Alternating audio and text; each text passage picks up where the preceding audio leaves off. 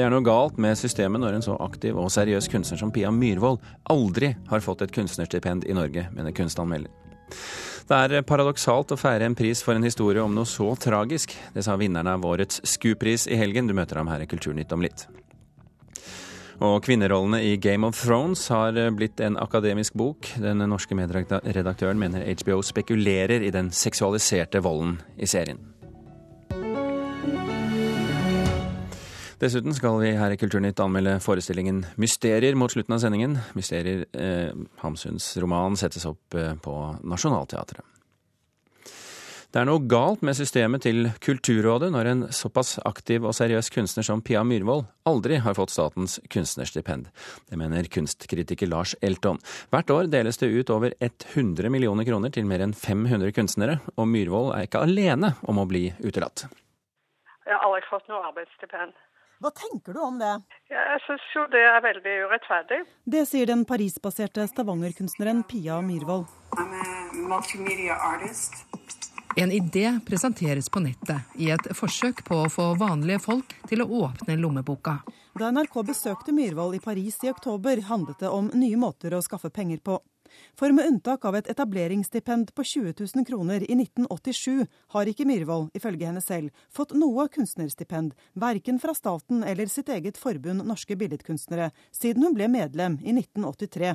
At hun føler seg sviktet, det skjønner jeg veldig godt. Sier mangeårig kunstkritiker i VG og nå frilanser Lars Elton. Fordi det er en, eh, en svakhet i dette systemet som uh, gjør at uh, enkelte kunstnere faller utenfor. I år er det delt ut 555 kunstnerstipender, som utgjør til sammen ca. 103,4 millioner kroner. De viktigste varierer fra 100 000 kroner til 250 000. Noen kunstnere får ofte stipend, andre får aldri.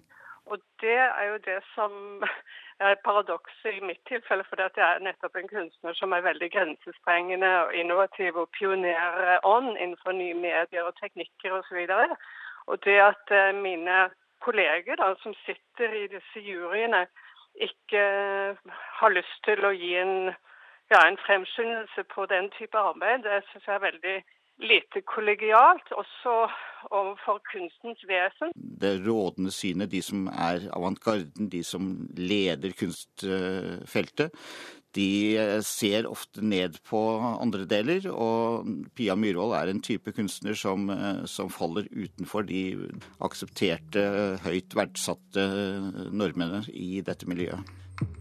1972 jeg syns jo det er veldig, veldig kjekt. altså, jeg må si det. Myhrvold stilte ut ved åpningen av Kulturbyåret i Bergen i år 2000 som kunstnerisk moteskaper. Det var ganske bra, det, egentlig. Hun har siden jobbet mest med digital kunst, og bl.a. hatt museumsutstillinger i Oslo og Stavanger. At hun reagerer, forstår Arvid Pettersen godt. Han leder stipendkomiteen på ti personer som har delt ut årets stipender til billedkunstnerne. Ja, det kan jeg utmerket godt forstå. Men hun er faktisk ikke alene.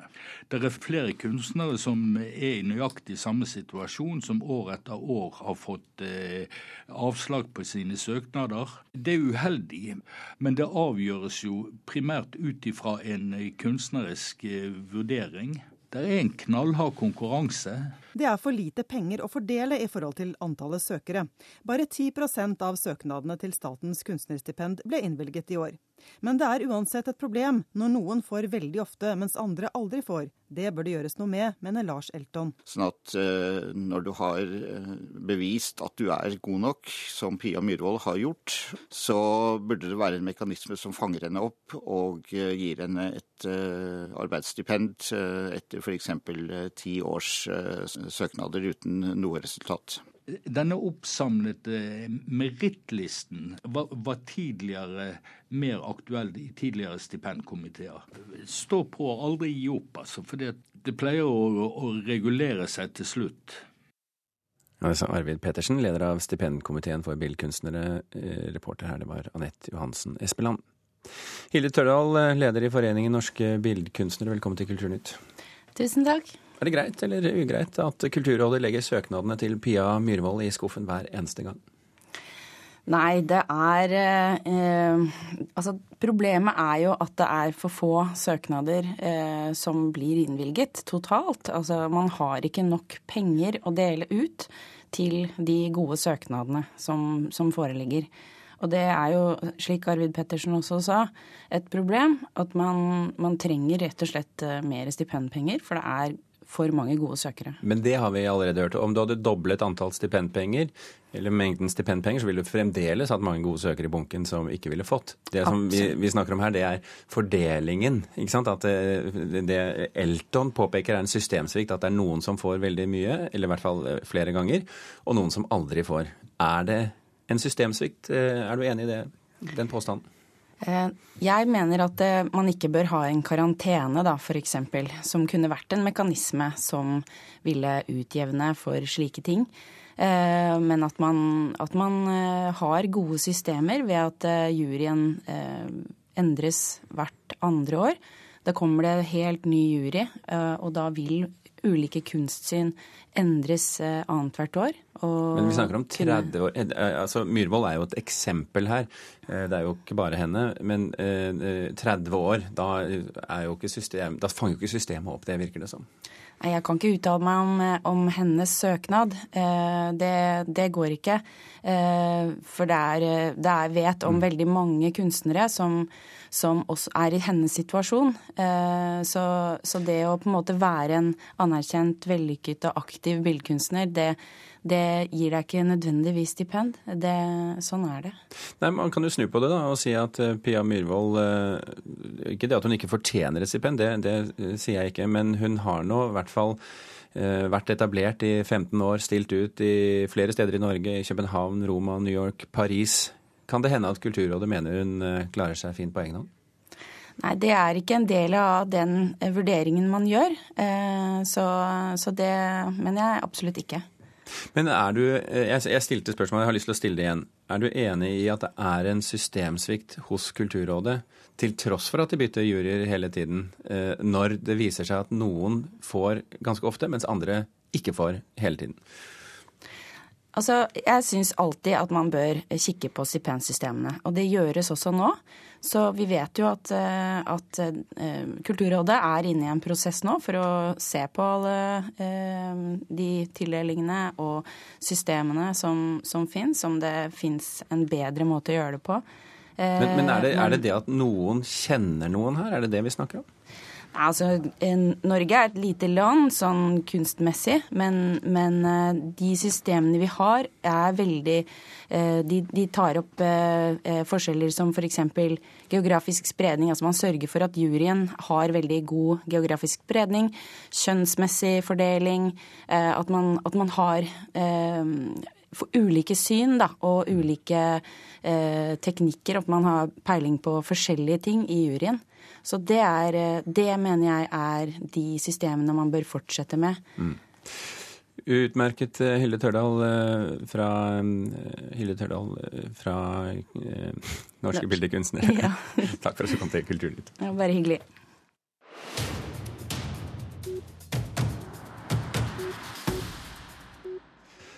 Blant norske journalister er Scoop-prisen det gjeveste man kan vinne.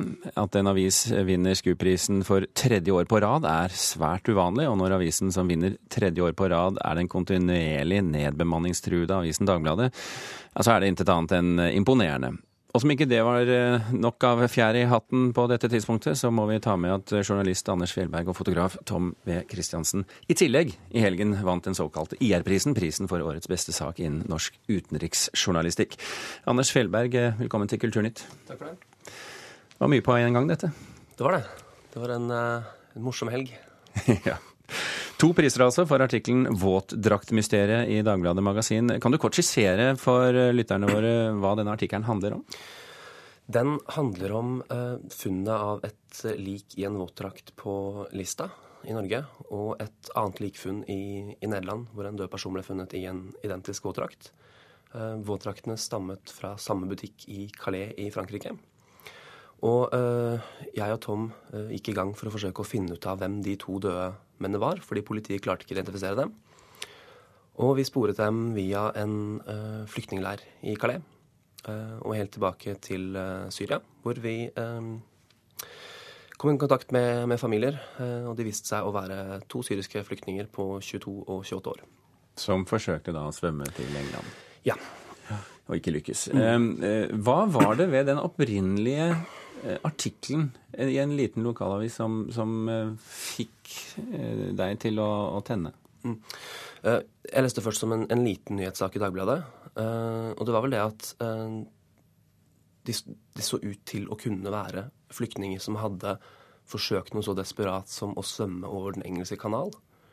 Og at de hadde drukna og da flytt til land i Norge og, og Nederland. Og det, det, var bare noe med Det var på en måte så, så tragisk og så, og så spektakulært på, på, samme tid, samtidig som det var veldig eh, rart at man ikke visste hvem, hvem de to her var.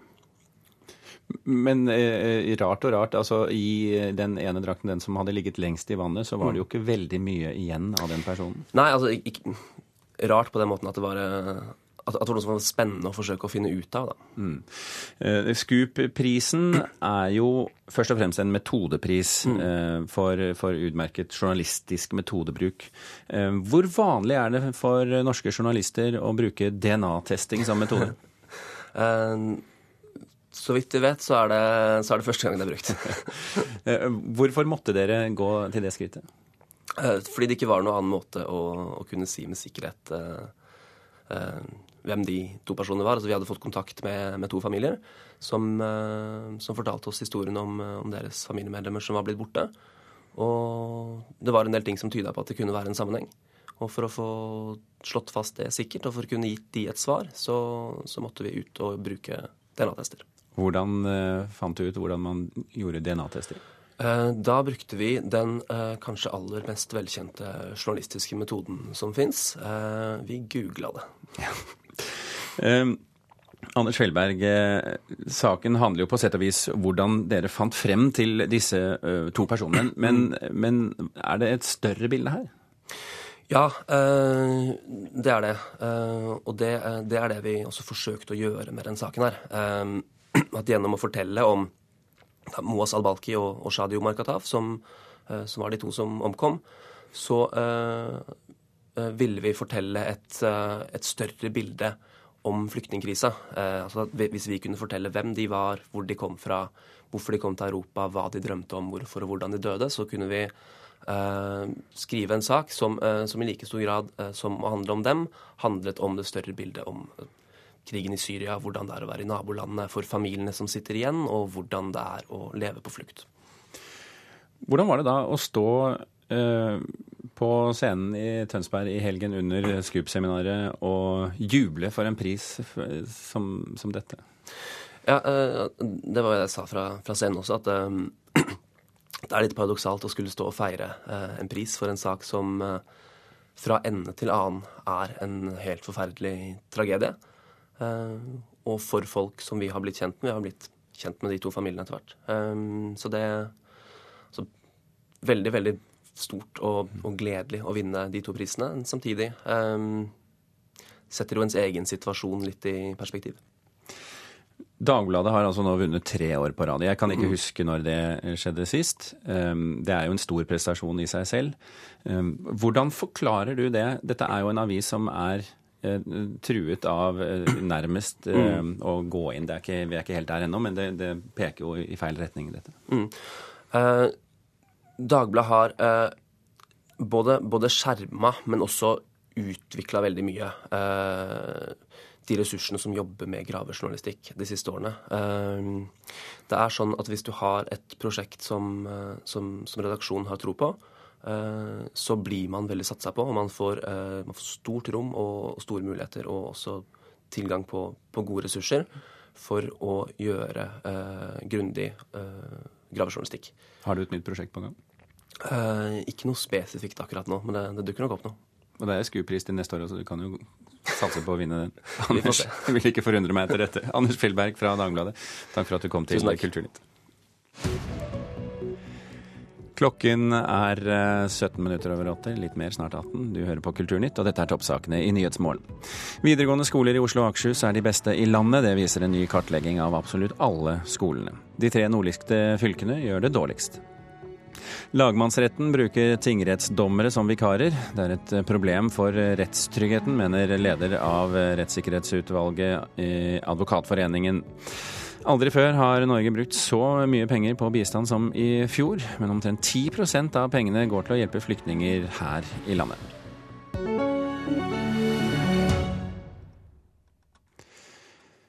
Vi har kommet dit i Kulturnytt at vi skal snakke om online-spillet Lyderia, som er utviklet av Rikskonsertene.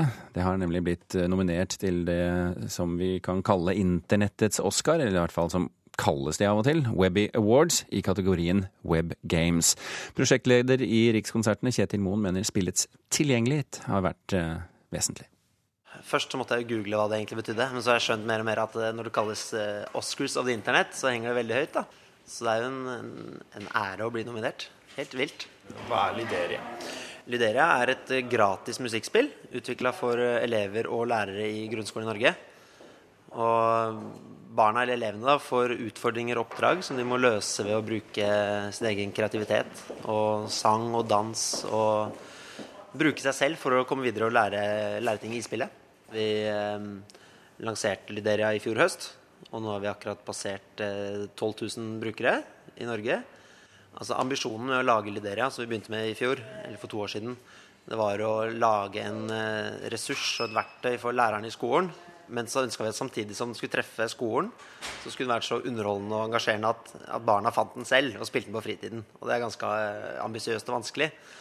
Så få den anerkjennelsen her nå, da, helt fra USA, det betyr at vi har lagd et bra produkt som andre syns holder mål. Så det tar vi liksom som et sånt stempel på at, på at vi har lyktes til en viss grad. Og så er det mye jobb foran oss også.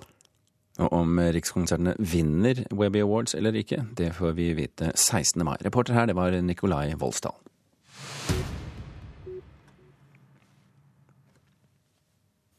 Are you afraid? You should be. You're in the great game now, and the great game is terrifying. Ihuga fans over hele verden går nå og venter på premieren på sjette sesong av TV-serien Game of Thrones, som har premiere 24.4. Nå har også en av de første akademiske bøkene blitt skrevet om serien, av bl.a. deg, professor i filmvitenskap ved NTNU, Anne Gjelsvik. Velkommen til Kulturnytt. Takk skal du ha.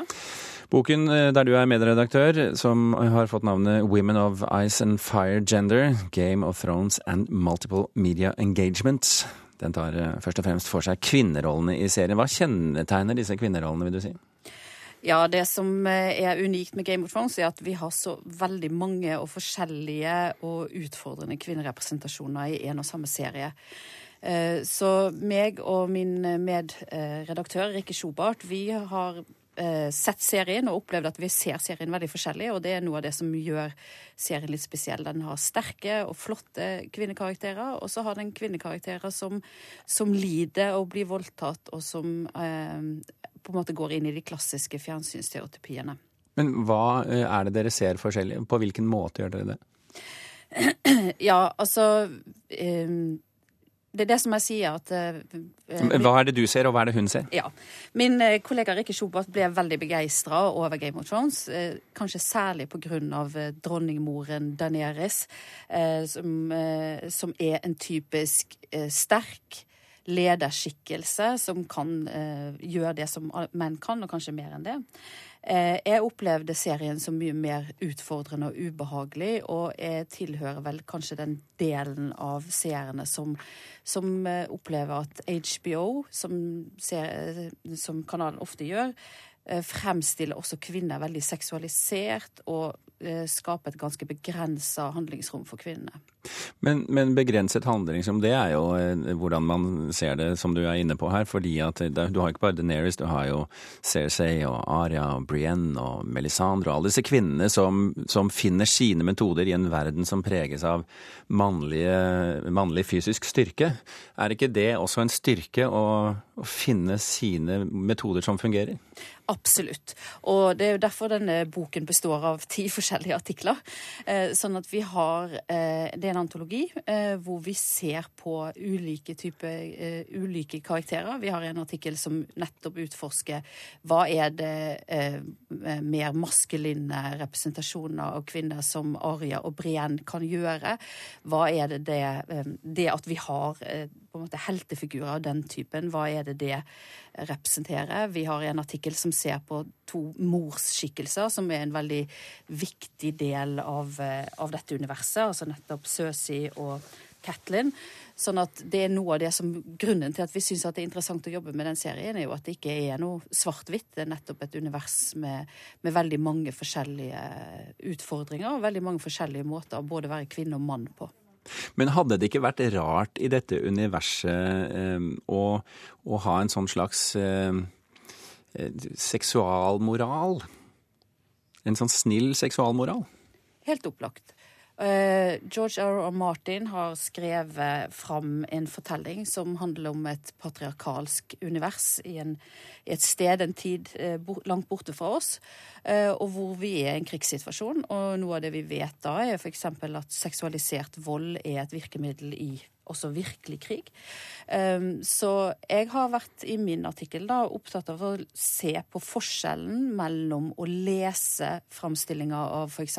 voldtekt og tortur, og det å se denne type framstillinger. Og jeg er opptatt av da medieforskjellene, og, og tenker vel at kanskje HBO eh, og serieskaperne ikke riktig helt tar inn over seg eh, forskjellen på, på å nettopp å lese om en voldtekt og det å se den, og hva det vil gjøre for en tilskuer hvis, hvis man går over noen grenser.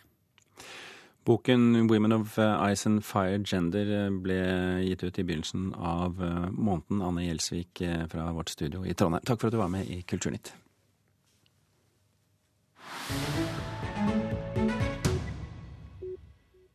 Du må gjerne gi meg regning når de vil. Det er meg det samme når jeg betaler. Ja takk, det trengs ikke. Blir de her i lengre ja, dette var uh, litt lyd fra Knut Hamsuns uh, Ja, ikke Knut Hamsun, men Nationaltheatrets oppsetning av Knut Hamsuns roman 'Mysterier'. Det er nemlig blitt teater, og vi hørte litt fra det her. Jeg lurer på om vi har muligheten til å høre litt mer. Du må gjerne gi meg regning når de vil. Det er det samme når jeg betaler. Ja takk, det trengs ikke. Blir de her i lengre tid, så må vi jo regne noe lenger, noe lavere. Ja, det... Men jeg vet ikke om de har tenkt å bli her i lengre tid? Ja, det kan hende. Kan hende jeg blir her i lengre tid. Det beror på omstendighetene. Apropos, jeg har kanskje ikke sagt det. Jeg er landmann. Agronom. Jeg kommer fra en reise, og nå kan det være at jeg slår meg ned her en tid.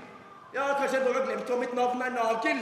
Ja, Vi hører Johan Nilsen Nagel her, eller nærmere bestemt Jan Gunnar Røise, skuespilleren, i dialog med Ellen Horn. Den, den gåtefulle Nagel, teaterkritiker Karen Frøsland Nystøyl, er han gåtefull også her i stykket? Ja, han er både gulkledd og gåtefull. Jan Gunnar Røise gjør en veldig god Nagel full av humor og fandenivoldskhet og sårhet og alt det vi tenker at denne karakteren skal ha. Dette er altså en eh, premiere, et, eh, en nyoppføring av eh, en roman. Hva, hva syns du om prosjektet? Jeg syns først og fremst at det er mye godt spill i denne forestillinga. Så syns jeg samtidig at den er litt blodfattig, og derfor så oppleves den òg litt lang. Den varer jo godt og vel tre timer, denne forestillinga her. Men det er jo til tross for uh, litt, litt uh, Til tross for dramatikk, så er det jo en det er jo en litt sånn sakteflytende roman. Det er ikke action og smell og pang. Nei, nei da. Og, og sånn skal det være òg. Grunnen til at jeg sier at jeg opplever den som blodfattig, er at den er ganske teksttung. Og teksten som brukes er jo tatt rett fra Hamsuns roman. Vi snakker, vi snakker riksmål.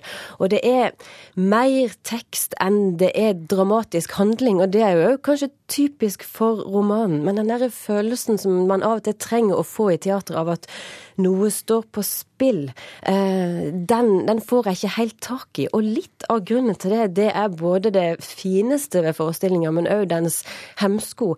Eh, scenografien.